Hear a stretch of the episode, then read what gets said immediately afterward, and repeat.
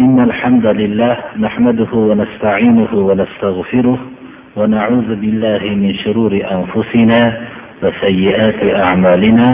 من يهده الله فلا مضل له ومن يضلل فلا هادي له. وأشهد أن لا إله إلا الله وحده لا شريك له. وأشهد أن محمدا عبده ورسوله. أما بعد السلام عليكم ورحمة الله وبركاته. Alloh subhanahu va taolo buyurgan amallar ichidagi eng ulug' birinchi amal tavhiddir. Alloh subhanahu va taolo qaytargan gunohlar ichidagi eng katta gunoh shirkdir. Alloh subhanahu va taolo shirk amalini kechirmaydi. إن الله لا يغفر أن يشرك به ويغفر ما دون ذلك لمن يشاء. وما يشرك بالله فقد ضل ضلالا بعيدا.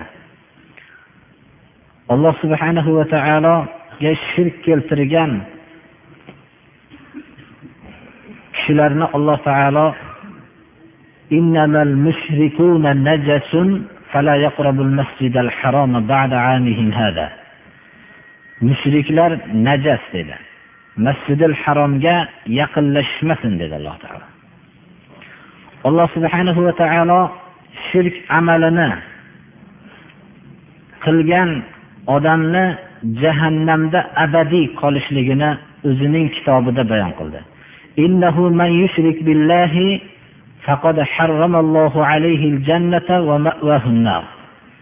Jannat mushrikka harom uning joyi jahannamdir.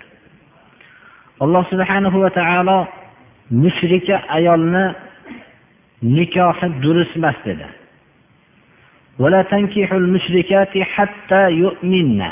Mushrika ayollar bilan turmush qilmanglar dedi alloh taolo. Va mushrik kishilarning turmushlantirmanglar dedi. Kim shirk amalini qilgan bo'lsa go'yoki osmondan tushib mayda mayda bo'lib qushlar uni talab bo'lak jasadlarning bo'laklarini go'yoki talab ketganda misolidek qattiq musibat yetibdi ومن يشرك بالله فكأنما خر من السماء فتخطفه الطير أو تهوي به الريح في مكان سحيق kimda kim shirk amalini qilsa alloh subhanahu va taolo ayamasligini va amali habata bo'lishligini hatto rasululloh sollallohu alayhi vasallamga xitob qilib o'zining habibiga ham agar shirk amali sizdan sodir bo'lsa amalingizni habata bo'lishligida shak shubha yo'q dedi alloh taolo. Shuning uchun ham biz darslarimizni ko'pini shirk amallari nima ekanligiga bag'ishlayapmiz birodarlar. Shu shirk amallari nima uchun shirk amali? Boshqa gunohlardan qattiq. Buni birinchi biz nas bilan ya'ni oyat va hadisda shirk amalining hozirgi bayonlarini bilganligimiz uchun alloh subhanahu va taolo va rasululloh sollallohu alayhi vasallam shirkning yomon amal ekanligini bayon qilganliklaridan bilsak ikkinchi tarafdan shirkning yomonligi uchun biror bir misol keltirishligimiz mumkin. Gunohlarni jinoyatlarning turlilari bo'ladi. Odamlar bu jinoyatlarni qilishadi. Havo g'alaba qilishligi sababi bilan yo boshqa bir sabablar bilan shu gunoh amallarni qilishadi. Ba'zi odamlar halol bilan haromni ajratmasdan ish qiladi. Ba'zi odamlar o'g'irlik qiladi. Ba'zi odamlar fisq hujurlarni qiladi. Ba'zi odamlar namozni tark qiladi. Ba'zi odamlar ro'za tutmaydi. Yoyinki bir oila huquqlarini rioya qilmaydi. Yoyinki ota onasiga yaxshilik qilmaydi balki yomonlik qiladi. Shu amallar hammasi gunoh hisoblanadi. Lekin bu shirk amali alloh subhanahu va taolo kechirmaydigan amaldir. Boshqa gunohlarni kechirishligi mumkin agar xohlasa. Buni biz misol qilib tushunsak yaxshiroq bo'ladiki shu gunohlar har bir podshohning qo'l ostida o'ziga xos bir qonuni bo'ladi. Shu podshohning odamlari ba'zilari podshoh tarafidan rioya qilinishligi kelgan buyruqlarni buzadida va shu podshohning jazosiga ro'baro bo'ladi. Lekin ko'p gunohlarni podshoh o'zi kechirib yuborishligi mumkin. Masalan o'g'irlik yoyinki boshqa bir gunohlarni hammasini agar xohlasa kechirib yuborishligi mumkin. Ammo podshohga g'alayon qilganni podshoh hech kechirmaydi. Shirk alloh subhanahu va taologa g'alayon qilish va ollohning barobarida nima bo'lishligidan qat'iy nazar bir narsani bor deb podshohga sharik haqiqiy alloh subhanahu va taologa sharik qilishlikdir. Shuning uchun ham alloh subhanahu va taolo g'ayurdir shirkni mutlaqo kechirmaydi. Rasululloh sollallohu alayhi vasallamga xabar bo'ldiki sad ibn uboda nihoyatda g'ayur sahobalardan edi. Aytdilarki sadni g'ayurligini qaranglar. Sad roziyallohu anhuga savol qilishgan ediki mabodo oilangiz bilan bir ajnabiy erkagini topib qolgan bo'lsangiz nima qilasiz desalar shu u billa o'tirgan bo'lsa men qatl qilaman dedilar. Shunda sahobalar sadni g'ayratini qaranglar deganlarida payg'ambarimiz sollallohu alayhi vasallam aytdilarki sadun g'ayurun va ana ag'yaru minhu والله أغير مني ولذلك حرم الفواحش ما ظهر منها وما بطن sad g'ayur dedilar men undan ham g'ayurman dedilar olloh mendan ham g'ayur shuning uchun buzuq ishlarni bandalarning o'rtasida harom qildi dedilar ya'ni alloh subhanahu va taologa g'alayon qilish bu nihoyat darajada bu eng qattiq gunohlardandir Shuning uchun ham alloh subhana va taolo kechirmaydi buni. Shuning uchun biz darslarimizda ko'p shirklarga to'xtalib o'tdik. Ba'zi bir shirklarning ko'rinishlariga bugungi darsimizda ham to'xtalib o'tmoqchiman. Birinchi shirklarning boshqa dinga mansub bo'lgan odamlar islom musulmonlarning dinlari islomni yo'qotishligidan umidlari uzildi. Ammo ularning o'rtalariga aqidalariga shirk kirgizish va amallariga bidoatlarni kirgizishlik bilan kifoyalanishdi. Nima uchun? Shirk amali kirishligi bilan ular o'rtasida duolar ijobat bo'lmaydi ular dindan chiqqanlar qatoriga o'tadi. Agarchi ollohni bor deb bilishsalar ollohning ba'zi sifatlarini isbotlashsa ham ular dindan chiqishgandan keyin ular hech qanday duolari ijobat bo'lishligi u yoqda tursin alloh subhana va taoloning e'tiboridan tushadi. Shuning uchun ham shirk amalini kirgizishlikka harakat qilindi.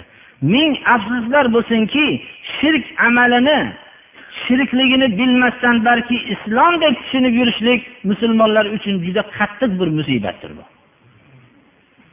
Undan ham qattiqroq musibat shuki musulmonlar islomni tushungan islom nima shirk nima ekanligini bilgan musulmonlar tarafidan tushuntirilingan vaqtda uni dindan chiqdi deb tuhmatlashlik bundan ham musibatdir.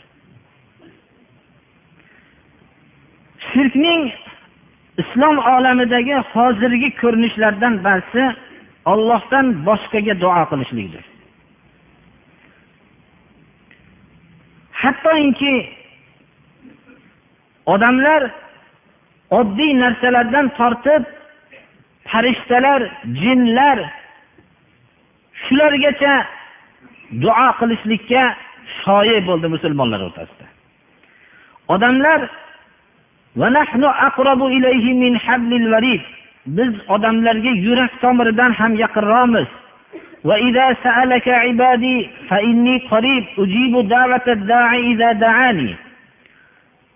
Agar bandalarim sizdan meni so'rashsa men ularga yaqinman duo qilsa duolarni ijobat qilaman degan alloh subhanahu va taoloni qo'yib foyda ham zarar ham yetkazmaydigan toshlar daraxtlar buloqlar mozorlar va hamda farishtalar jinlar va ko'zlariga nima ko'ringan bo'lsa mana bu narsalarga ya'ni foyda ham zarar ham yetkazmaydigan narsalarga duo qilishdi. Agar shu duolarini alloh subhanahu va taologa qilishganda ular shunchalik ixlos bilan duo qilishganda ollohni do'stlariga aylanishardi.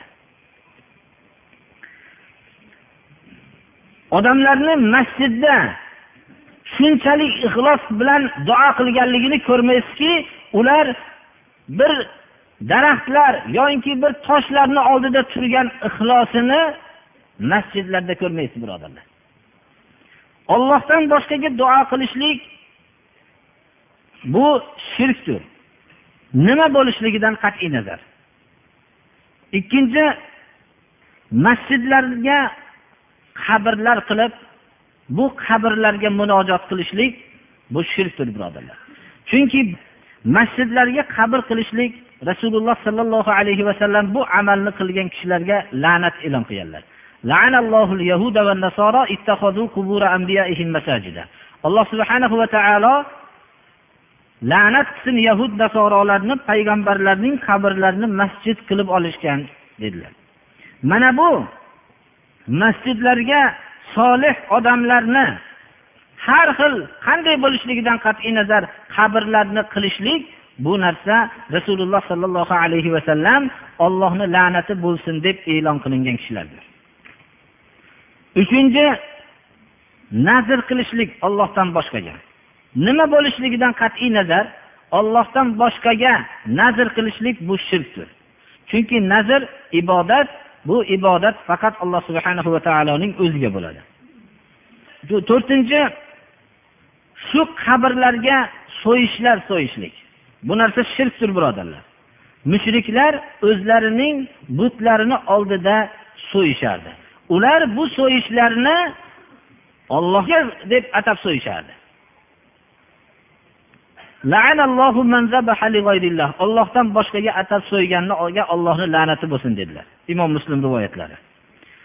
Beshinchi qabrlar yoyinki shunga o'xshagan biror bir ziyoratgohlarni tavof qilishlik. Tavof islomda faqat kabatullohni tavof qilishlik mashru bo'lgan. Kabatullohdan boshqa yer islomda tavof qilinmaydi. Oltinchi qabrlarga qarab namoz o'qishlik. Bu durust emas birodarlar. Bu shirklarning ko'rinishlari. Imom muslim rivoyatlari qabrlar ustida o'tirmanglar va qabrlarga qarab namoz o'qimanglar dedilar. Yettinchi ziyorat maqsadida qasd bilan safar qilishlik islomda uch joyga mumkin birodarlar. Birinchi masjidil harom.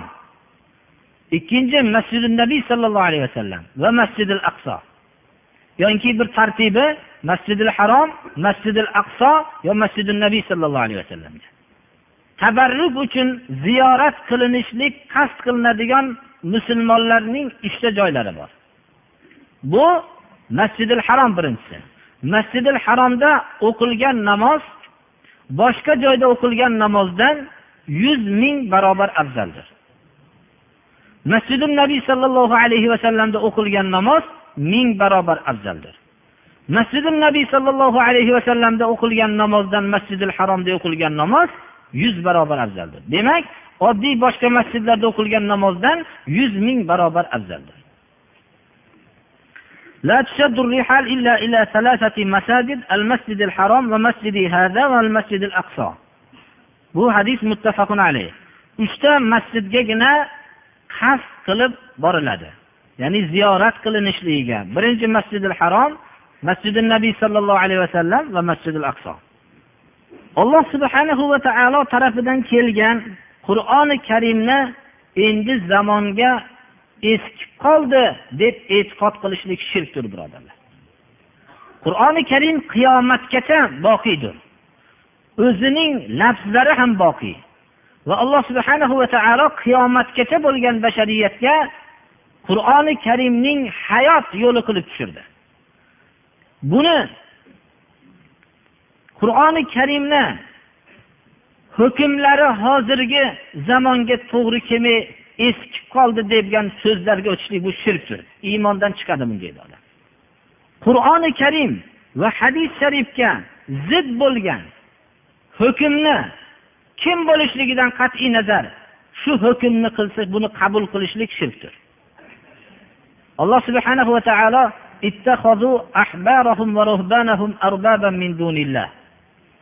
o'zlarining yahudlar olimlarini nasorolar olimlarini ollohni qo'yib o'zlariga rab qilib oldi deyapti. Shunda rasululloh sollallohu alayhi vasallam bu oyatni adi ibn hotim mashhur hotam toyning o'g'li kelgan vaqtda shu oyatni o'qidilar. Adi ibn hotimning kelishligini sababi singlisi hotamtoyning qizi asira bo'lib tushgandan keyin payg'ambarimiz sollallohu alayhi vasallamga bu asira hotamtoyning qizi deb aytilgandan keyin u kishi buni ashoblardan so'rab ozod qilib va ko'p marhamatlar qilib toy qabilasiga jo'natib yubordilar. Bu marhamatni hotamtoyni qizi ko'rgandan keyin akasi adiyga rasululloh sollallohu alayhi vasallamning makorimi axloq egasi egasi ekanligini bildirib bu kishini oldiga borishlikka targ'ib qildi. Haqiqiy payg'ambar bu kishi deb targ'ib qilgandan keyin adi ibn hotim rasululloh sollallohu alayhi vasallamning oldilariga keldi. Kelganda adi ibn hotimni bo'ynida kumushdan buti bor edi. Shunda rasululloh sollallohu alayhi vasallam adi ibn hotimni bu holatda ko'rganlaridan keyin mana shu oyatni o'qidilar. Ya'ni o'zlarini yahudlar nasorolar olimlarini ollohni qo'yib rad qilib oldi degan oyatni o'qidilar. Shunda adi ibn hotim aytdiki yo rasululloh ular rab qilib ibodat qilishgan emasu deganlarida yo'q ibodat qilishgan dedilar. Halolni harom qilib bersa qabul qilishgan. Haromni halol deyishsa uni ham qabul qilishgan. Mana shu ibodatlari dedilar. Demak shariat hukmida qur'on va hadisning ochiq buyrug'ini ifoda qiluvchi nafsga zid bo'lgan hukmni kim tarafidan aytilsa buni qabul qilishlik bu shirki toadir. Chunki rasululloh sollallohu alayhi vasallam la fi ma'siyatil xoliqqa osiy bo'ladigan amallarda maxluqqa itoat yo'q dedilar.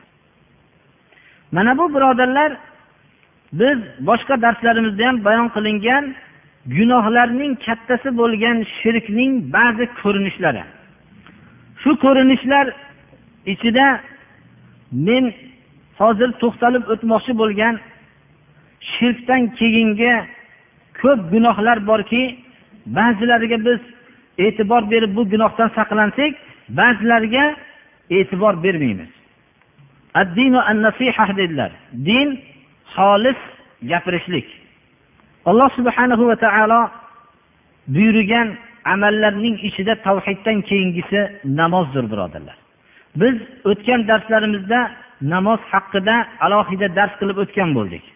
Namozning tark qilishligini katta gunoh ekanligi haqida ba'zi bir so'zlarni aytib o'tdik.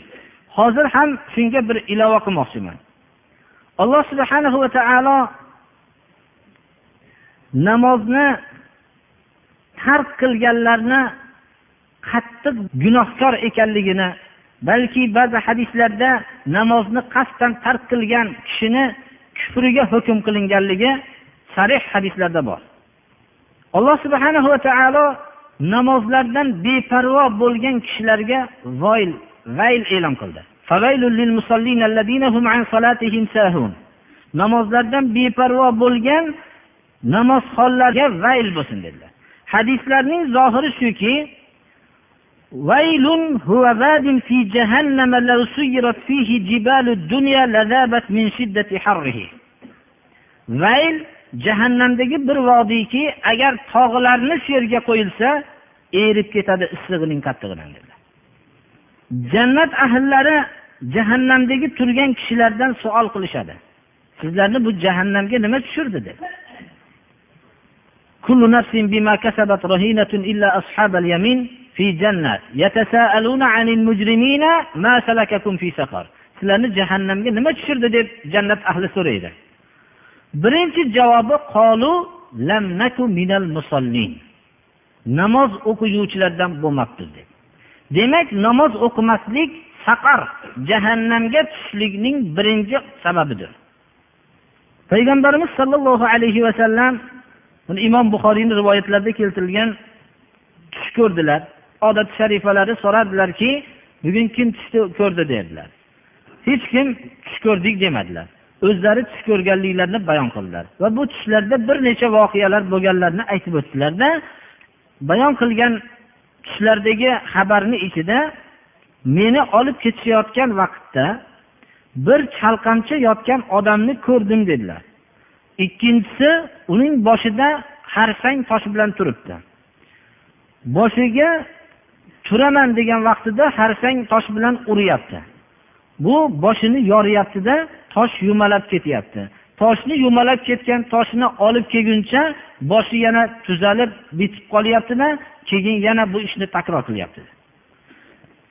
shuni sababi kim deb so'raganlarda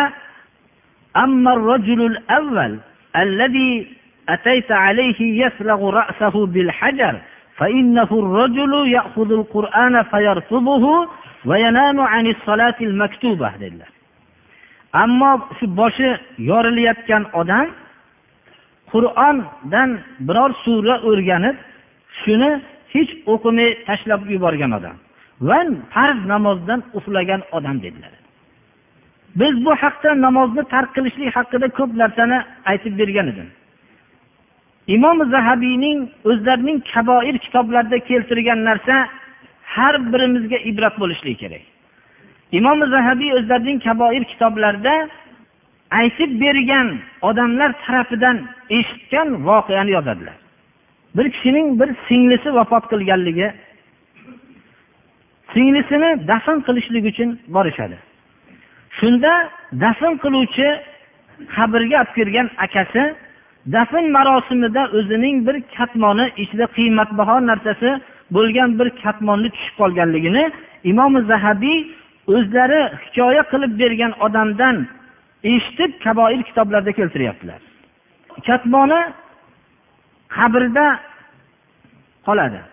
Shunda keyin qabrni bekitishib ketgandan keyin bu katmonning tushib qolganligini bilib qabrni ochib shu katmonni olmoqchi bo'lganda qabrda alangalanib turgan o'tni ko'radi. O'tning kuchidan shu turpoqni qaytib tortib u olmoqchi bo'lgan katmoni ham esdan chiqadi. Va uyga yig'lab onasining oldiga keladi. فقال لها يا أمة أخبريني عن أختي ماذا كانت تعمل وأخبرها بالقصة فبكت وقالت يا ولدي كانت أختك تتهاون بالصلاة وتؤخرها عن وقتها ey ona meni singlim nima ishlar qilardi hayotda nima ish qilib yurardi deb ko'rgan voqeani aytadi ona ham yig'laydi shunda ey farzandim seni singling namozga beparvo edi. Namozni vaqtidan tahir qilardi deydi imom zahabiy o'zlarining kaboir kitoblarida shuni keltiryaptilar. Namozni tahir qilganning holi shu bo'lsa birodarlar. Namozni tark qilib yurgan bizlarning singillarimiz bizlarning opalarimiz bizlarning mana shu hayotda yurgan islomdagi singil opalarimizning holi nima bo'ladi? Mana bu narsa haqida biz shularni bir namozga taklif qilib qo'ymoqligimiz kerak. Agar bizda mehribonlik bo'ladigan bo'lsa bu namoz alloh subhanahu va taolo tavhiddan keyingi buyurgan eng katta amaldir. Mana bu narsani tark qilishlik balki tahir qilishlik mana bu oqibatga olib keladi. O'zimizning farzandlarimiz qizlarimizni ham biz mana shu mehribonlikni hech bir hayotimizda qilyapmizmi? Mana bu haqda ham bir o'ylab qo'yishimiz kerak. Agar biz namozga bir marta chaqirmagan bo'lsak biz mehribon emasmiz birodarlar. Lekin to'g'ri bizning so'zimiz bilangina ular namoz o'qiydigan bo'lganda juda ko'p odamlar namoz o'qib ketgan bo'lardi. Lekin baribir biz ma'murmizki ularga namozni tark qilishlik gunoh kabiralardan va birinchidan hali mahsharga bormasdan hali jahannamga bormasdan qabrda azobi boshlanadigan ish qilayotganligini eslatmoqligimiz kerak. Din xolis gapirishlikdir. Mana bu narsani bir eslatib qo'ymoqligimiz kerak. Hozirgi vaqtda uylardagi amallar birodarlar namoz asosiga qurilgan emas. Ovqatlar namoz vaqtida pishadi. Go'yoki bizni uyimizda musulmon degan oilalarni aytyapmiz biz. O'zini musulmon va muslima degan oila a'zolari qilayotgan amallari hammasi namoz o'qimaydigan odamlarning xonadonidan farqi yo'q. Butun ovqatlar namoz vaqtida. Azon aytilishlik namozga bo'lsa eshiklarda qozon tushadi yo qozonga yog' solinadi azon aytilishi bilan mana bu narsalar birodarlar hammamizga islomdan boshqa falsafalarning ta'siri kirib ketganligidir. Bizning hayotimiz hammasi o'zimiz tavhid asosida hayotimizga kirib olganimizdan keyin birinchi namoz asosida bo'lmoqligi kerak. Birinchi qiyomat kuni so'raladigan hisob qilinadigan bandadan hisob qilinadigan amal namozdir. Agar namoz o'nglansa hamma amali o'nglanib ketadi. Agar namoz buzilsa boshqa amallari ham buziladi. Imtihonda o'zi asosiy bitta savol bo'ladi boshqa dunyo imtihonlarida ham. Shu asosiy savolga imtihon markazlashadi. Shu savoldan muvaffaqiyatli o'tishlik bilan insonni boshqa kamchiliklari kechirib yuboriladi.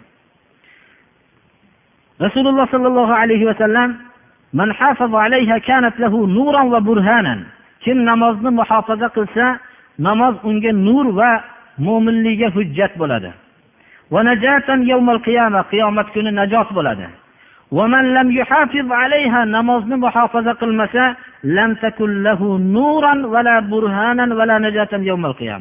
birodarlar namozni o'qisam o'qimay qo'ysa deyilgan so'z ketayotgani yo'q namoz o'qimaganni holiga voy ammo namozni muhofaza qilmagan odam unga bu namoz nur ham bo'lmaydi mo'minligiga hujjat ham bo'lmaydi va qiyomat kuni najot ham bo'lmaydi. وكان يوم القيامة مع فرعون وقارون وهامان وأبي بن خلف bu qiyomat kuni fir'avn qorun hamon ubay ibn halab bilan birga bo'ladi buni ba'zi hadis ilmidagi muhaddis ulamolar sharh qilishgan ekanlar agar bir odamning podshohligi mast qilib namozni tark qilgan bo'lsa fir'avn bilan bo'ladi qorun boyligi bilan boyligi uni o'zini ovora qilib qo'ygan bo'lsa namozdan beparvo qilgan bo'lsa qorun bilan martabalari uni namozdan beparvo qilgan bo'lsa homon bilan bo'ladi.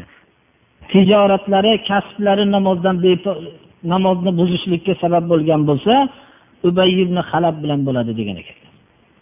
Rasululloh sollallohu alayhi vasallamning bu hadislarni imom ahmad o'zlarining musnatlarida rivoyat qilganlar. Shuning uchun din nasihat birodarlar mana shu nasihatni har bittamiz o'zimiz yaxshi ko'rgan odamlarga yetkazmoqligimiz kerak. Xohlasin ular qabul qilsin.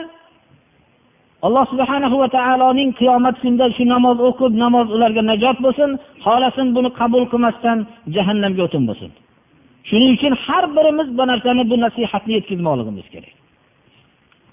Ba'zi birodarlar buyerda ko'p savollar berishganlar shu savollardan bittasi g'ino haqida. Ba'zilar ruxsat beryaptiyu g'ino musiqa bu haqlarda degan hadeb savollar ko'p kelganligiga biz hal qiluvchi so'z bilan tugatamiz so'zni qur'oni karimda sura luqmonda alloh taolo ومن الناس من يشتري لهو الحديث ليضل عن سبيل الله بغير علم ويتخذها هزوا أولئك لهم عذاب مهين odamlarning ba'zisi borki lahul hadisni sotib olishadi yashtari bu oyat lahul hadis dini dunyoga keraksiz bo'lgan narsani sotib oladigan odamlar ham dunyoda bor deyapti alloh taolo. Nahotki odam masalan bir axlatni pulga sotib olmaydi birodarlar? Chunki bu na meni dunyoyimga na dinimga foydasi yo'q deb biladi. Demak lahul hadis so'zning ham dinga yo dunyoga keraksizi odamga odam sotib olishligini tasavvur qilmasdi odam. Lekin hozirgi zamon mana bu narsani ko'p narsani ko'rsatyapti. Lahvul hadis nima? Abdulloh ibn masud qasamyod qilib aytgan ekanlar. Biz qur'oni karimni salaf uslubida tushunamiz ra'yimiz bilan tushunmaymiz birodarlar. Abdulloh ibn masud aytyaptilarki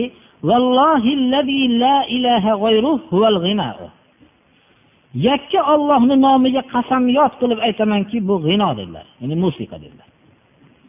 Mana shu oyatdagi lahul hadisdan murod shu musiqa dedilar. Nima uchun sotib oladi? Odamlarni ollohni yo'lidan adashtirishlik uchun. Bilmaydi bu odam ollohni yo'lidan adashtirishligini. Hozirgi bolalarning ko'rsangiz hammasini ko'p bolalarning tarbiyasiga salbiy ta'sir bo'lishligini ko'rsangiz bizni millatdan boshqa bolalar bunaqa emas birodarlar.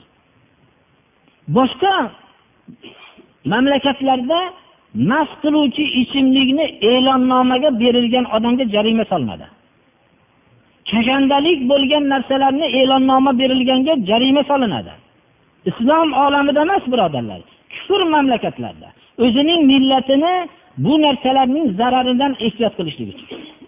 Shuning uchun biz bu yerda ollohni yo'lidan adashtirishlik uchun lahul hadisni sotib oladi deyilyapti mana bu narsa haqiqiy ollohni yo'lidan adashtirishlikka olib boradi payg'ambarimiz sollallohu alayhi vasallam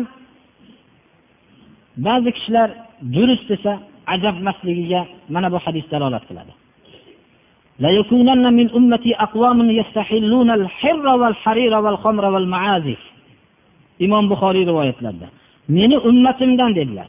Ya'ni boshqa ummatdan emas dedilar. Mening ummatimdan shunday toifa odamlar bo'ladiki zinoni hir halol sanaydigan.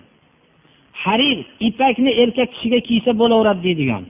Valhomra mast qiluvchi ichimlikni bo'laveradi deydigan. Mana hozirgi vaqtda ham juda ko'p odamlar bor. Nima bu uzumdan bo'lgan deydi. Asli deydi uzumdan bo'lgan deydi. Bir narsaning asli agar asliga qaraladigan bo'lsa bir narsadan bo'lganlik juda ko'p narsalarning asli toza bo'ladi. O'zi najos bo'ladi birodarlar. Insonning balli nimadan bo'ladi? Insonning tezagi nimadan bo'ladi?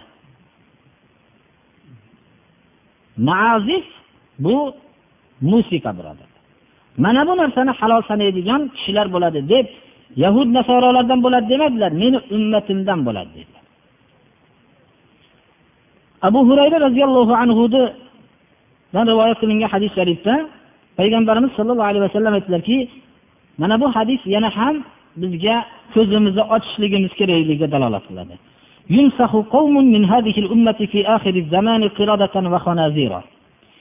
Bu ummatdan ya'ni islom ummati deb atalgan ummatdan zamon oxirlashganda bir toifasi maymun va to'ng'izlarga aylantiriladi dedilar وقالوا يا رسول الله أليس يشهدون أن لا إله إلا الله وأن محمد رسول الله؟ يا رسول الله صحابة سرشت لكي أولا لا إله إلا الله محمد رسول الله ديش ميدما قالت بلى. ديش دا. لا إله إلا الله محمد رسول الله ديش دا.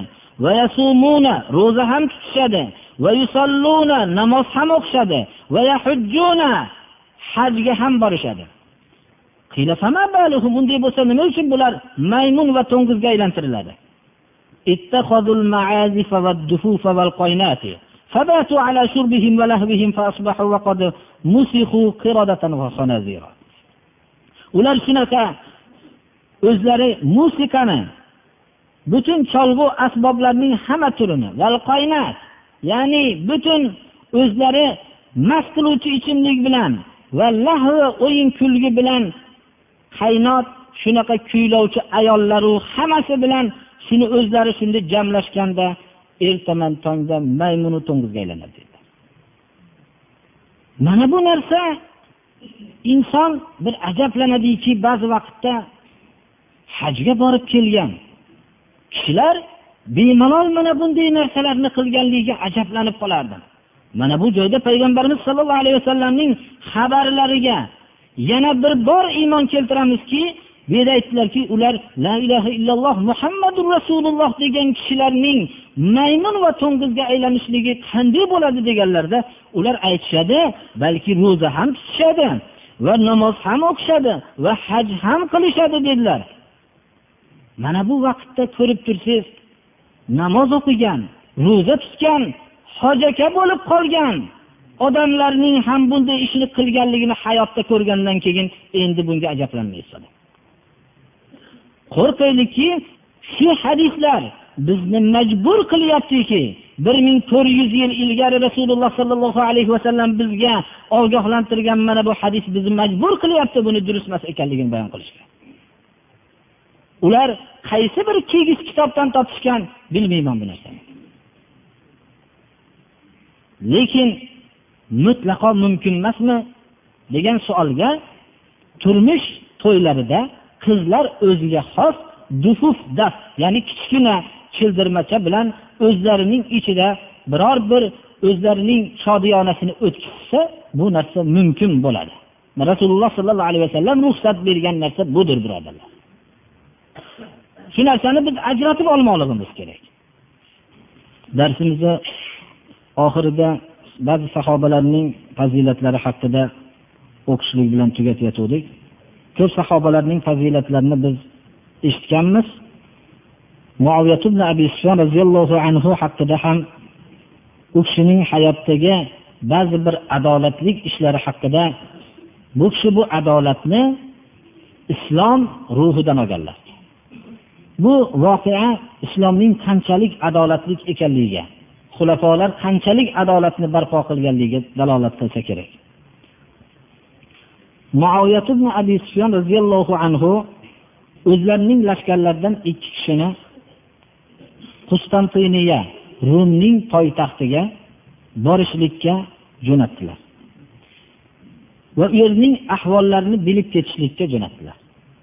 Ikkovlari o'zini notanish odamga o'xshagan bo'lib safar qilishdi. Rum poytaxtiga yetib kelishdi. Rum ahli bilan aralashib yashashdi. Ular u yerdagi xabarlarni bilishdi. Ularning yo'llari shu ediki bir birlaridan uzoq yuramiz deyishgan edi. Mabodo birontamiz qo'lga tushib qolsak ikkinchisimiz xabarni xilofatga yetkazishlikka sharoit bo'ladi deyishgan. Bittalari rum podshohining qasriga kirib u ziyofatlarda ham ishtirok etdi va qasr ahvollarini o'rgandi. Shunda bu kishining musulmonlardan ekanligi bilinib qo'lga tushdida u kishini mahbus qilib qo'ydi. Xalifaga xabar berishlik uchun ikkinchilari va'daga binoan qaytib keldilar. Shunda rum podshohi musulmon kishini chaqirib bu yerda nima qilayotganligini musulmon kishi chunki o'g'rilik bilan tuhmatlangan edi. Bu o'g'ri deb tuhmatlashgan edi. Shunda so'radiki bu xalifalar bizdan nimani maqsad qiladi? Shu o'zinglarni viloyatinglar yetmaydimi? Shunda musulmon lashkar aytdiki biz sizlarni viloyatinglar bizga kerak emas moli davlatinglar kerak emas. Biz alloh subhanahu va taolo bizning baxtli qilgan islomni sizlarga ham ilinib keldik shuni tushuntirmoqchimiz va sizlarning kelgan diyonatlarni o'zgartirib tashlaganinglarni xabarini berishlik uchun keldik. Islom adolatidan bahramand bo'lishinglar uchun keldik.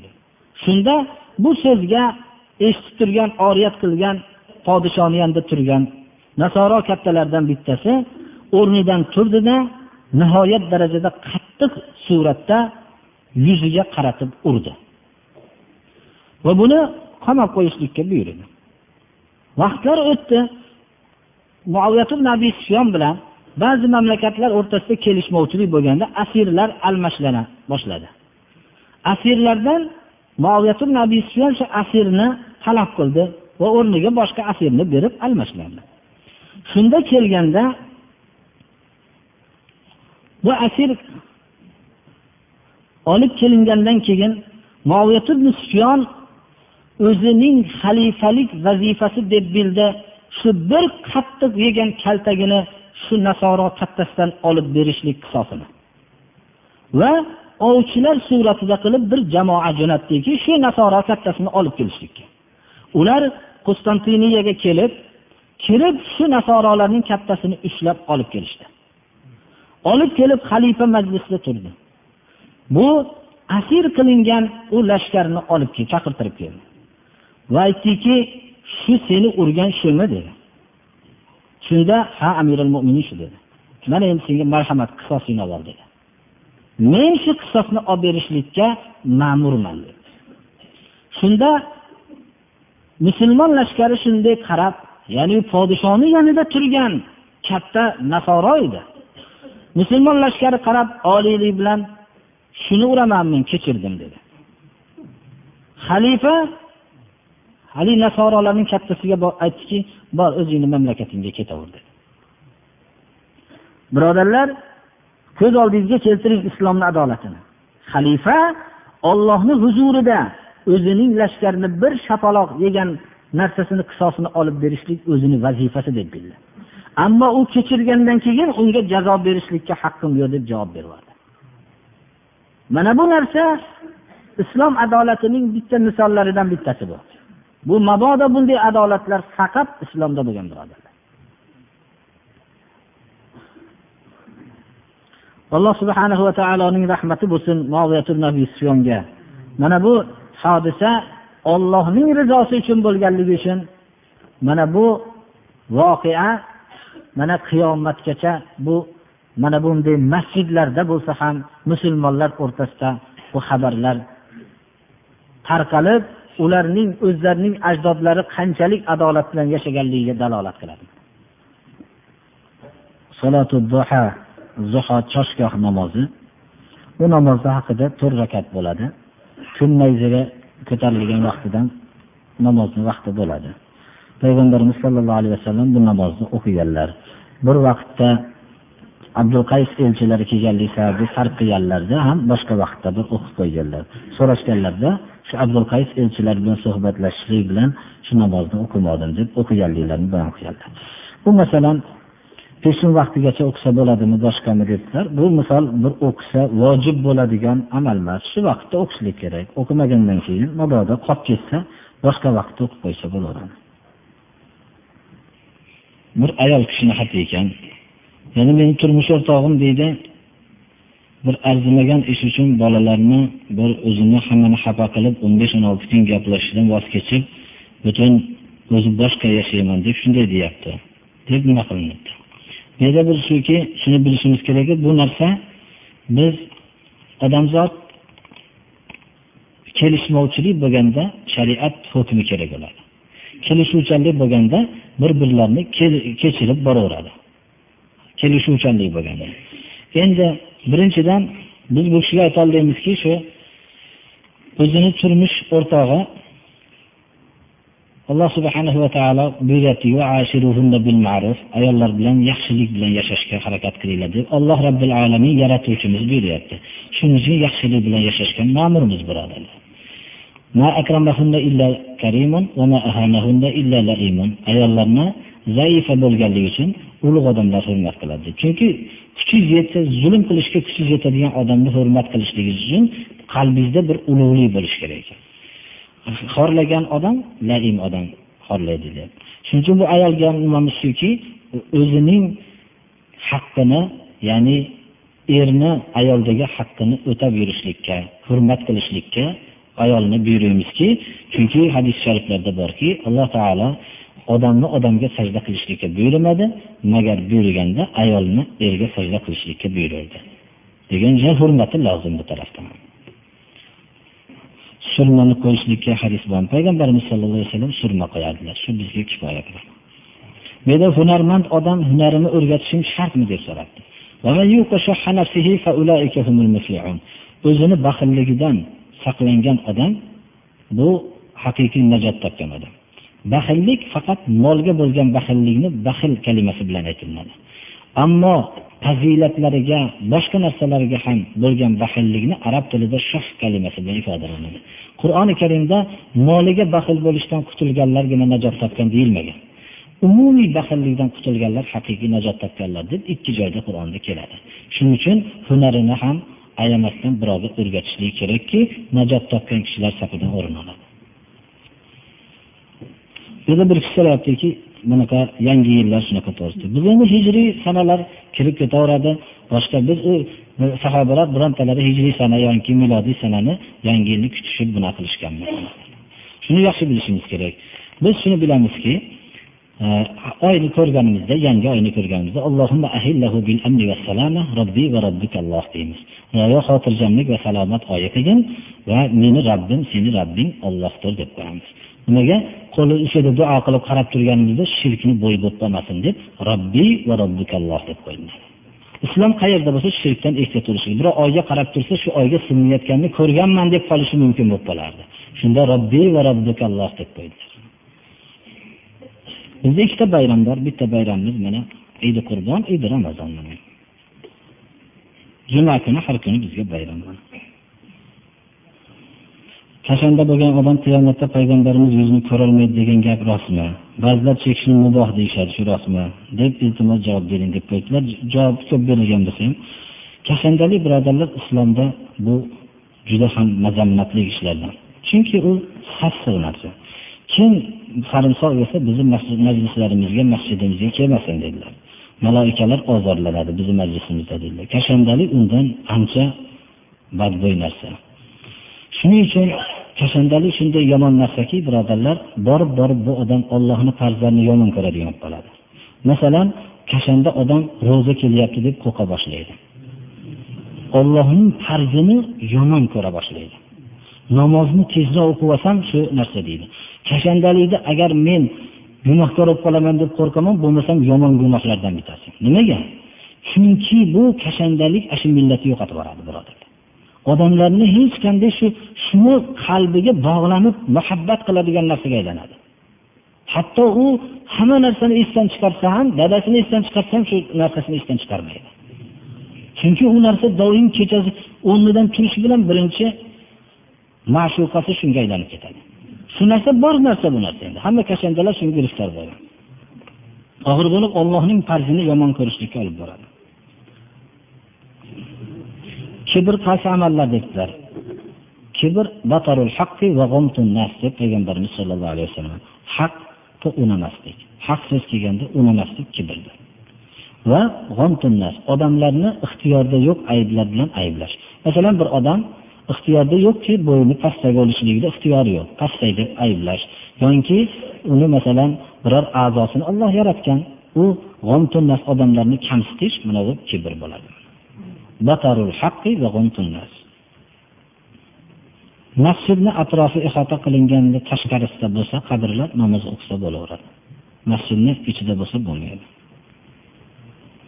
Yana ba'zi kitoblar chop qilingan shu kitoblarni o'qib o'qisak bo'ladimi deb so'ralibdi ahli ilm hadis va oyat hadislarni bilgan olimlardan bir maslahat so'rab qo'yilgan yaxshi bo'ladi birodarlar. Shu kitoblarni ko'rib gumonsiragan joylarni so'rab qo'yishlik kerak.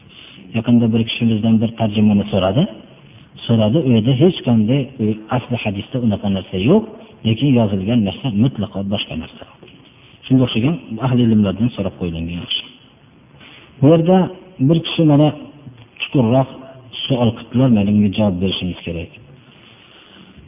Saba surasida o'n uchinchi oyat deydilar shunda استعيذ بالله shu oyatda aytayotgan bo'lsalar يعملون له من محاريب وتماثيل وجفان كالجواب وقدور الراسية shunda sulaymon alayhissalomga jinlar ko'p narsalarni qilib berganlik mahariba mehroblar va tanasil timsollar shakllar va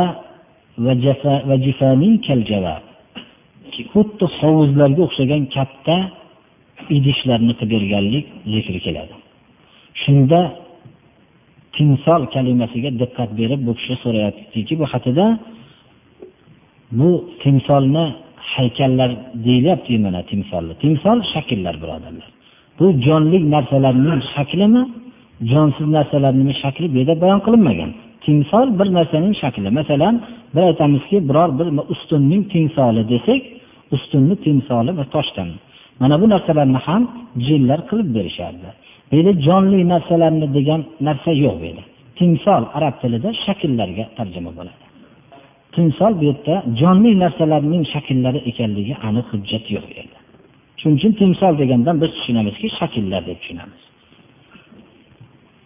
Alloh subhanahu va taolo bir dadalariga insof bersin ba'zi bemorlarga alloh taolo shifo bersin ilm talab qilayotganlarga alloh ilm bersin. Alloh subhanahu va taolo hammamizni gunohlarimizni mag'firat qilsin ibodatlarimizni alloh qabul qilsin. Alloh subhanahu va taolo shu darsimizni davom qilsin